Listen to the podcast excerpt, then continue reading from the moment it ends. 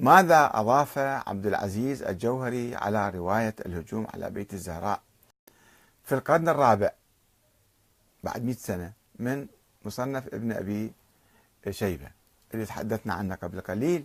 شوفوا هذا المؤرخ ماذا أضاف عليها من قصص أخرى. لكن رواية أخرى ينقلها أحمد بن عبد العزيز الجوهري فيما بعد يعني في القرن الرابع الهجري. تتحدث عن مجيء عمر في عصابة وصياح الزهراء ومناشدتها لهم وإخراج علي والزبير بالقوة من البيت للبيعة. هاي في أيام الدولة البوهية الكلام. قال أبو بكر أحمد بن عبد العزيز الجوهري وأخبرنا أبو زيد عمر بن شبه. قال حدثنا إبراهيم بن المنذر عن ابن وهب عن ابن لهيعة عن أبي الأسود. واحد عن واحد من دون يقول حدثنا. واحد ينقل عن كلام. واحد عن واحد عن واحد 300 سنة يروح قال غضب رجال من المهاجرين في بيعة أبي بكر بغير مشورة منهم يعني. وغضب علي والزبير. فدخل بيت فاطمة عليها السلام ومعهم السلاح. فجاء عمر في عصابة منهم أسيد بن حضير. وسلمة بن سلامة ابن وقش وهما من بني عبد الأشهل. فصاحت فاطمة عليه السلام وناشدتهم الله روحوا عني يعني. فأخذوا سيفي علي والزبير. أخذوهم هجموا عليهم أخذوا سيوفهم. فضربوا بهما الجدار حتى كسروهما. ثم أخرجهما عمر يسوقهما حتى بايعا. جرهم؟ يلا امشوا. روحوا بالبيعة بالإكراه. كل المسألة هذه تحاول تفسر وتعلل وتبرر مسألة أنه الإمام علي شلون بايع عمر بايع أبو بكر؟ مو إذا كان النبي قد عينه خليفة من بعده ونص عليه في يوم الغدير وفي غيرها من المناسبات فكيف يجوز للإمام علي أن يبايع أبا بكر؟ فقام يختلقون قصص أنه لا ما بايع طبعا. بايع كرها أجبروه على البيعة. هذا السر من وراء كل هالقصص هذه. ابن أبي الحديد يذكر هاي الرواية يرويها طبعا مو هو يعتمد عليها بس يذكرها. في شرح نجم البلاغة صفحة 121 فيما تضيف رواية ثالثة ينقلها الجوهري أيضا. أنهم اجتمعوا على أن يبايعوا عليا عليه السلام. اجتمعوا ذول الجماعة المعارضة. فأتاهم عمر ليحرق عليهم البيت. مو كانوا معترضين معتصمين لا اجتمعوا حتى يسووا مؤامرة على أبو بكر. فخرج إليه الزبير بالسيف وخرجت فاطمة عليه السلام تبكي وتصيح. رغم أنها تعود نفس الرواية تعود فتناقض نفسها وتقول على لسان الإمام علي ومن اجتمع عنده؟ قال ليس لدينا ليس عندنا معصية. ولا خلاف ولا خلافا في خير اجتمع عليه الناس. وإنما اجتمعنا لنؤلف القرآن في مصحف واحد. شوفوا شلون الرواية نفسها تنقض نفسها. ثم بايعوا أبا بكر. فاستمر الأمر واطمأن الناس. هذا آه، عبد العزيز الجوهري أبو بكر عبد العزيز الجوهري يروي الرواية هذه. هسه نشوف من وين اجت الرواية وبأي كتاب ومتى. ومن نقلها عنه.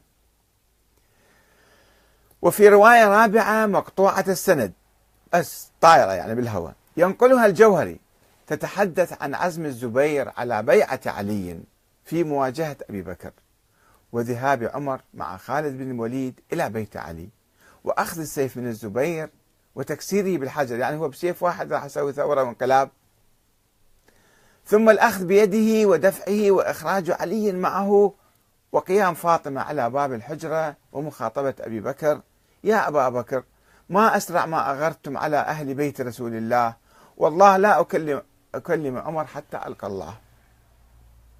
حيث يقول لما بايع الناس أبا بكر اعتزل علي والزبير فبعث إليهما عمر بن الخطاب وزيد بن ثابت كل ساعة واحد آخر يصير. فأتيا منزل علي فقرعا الباب فنظر الزبير من فترة ثم رجع إلى علي. فقال هذان رجلان من أهل الجنة وليس لنا أن نقاتلهما. قال افتح لهما. ثم خرجا معهما حتى أتيا أبا بكر. فقال أبو بكر يا علي أنت ابن عم رسول الله وصهره فتقول أني أحق بهذا الأمر؟ لا الله لأنه أحق به منك. فقال لا تثريب يا خليفة رسول الله. ابسط يدك أبايعك فبسط يده فبايعه. ثم قال للزبير تقول أنا ابن عمة رسول الله وحواريه وفارسه وأنا أحق بالأمر؟ ليأخذ اعتراف من عندهم يعني. لا الله لأنا أحق به منك. فقال لا تثريب يا خليفة رسول الله. ابسط يدك. فبسط يده فبايعه. نفس المصدر صفحة 252 وكل هذه الروايات لا نستطيع التأكد من صحتها لأن ابن أبي الحديد ينقلها في القرن السابع الهجري عن من؟ عن الجوهري عبد العزيز الجوهري الذي توفي في القرن الرابع كم سنة فاصلة بيناتهم 300 سنة عن كتابه عنده كتاب كاتبه هذا أبو مو مو رواية عن واحد سند واحد عن واحد. لاقي له كتاب اسمه السقيفة وفدك. هذا الكتاب ما موجود.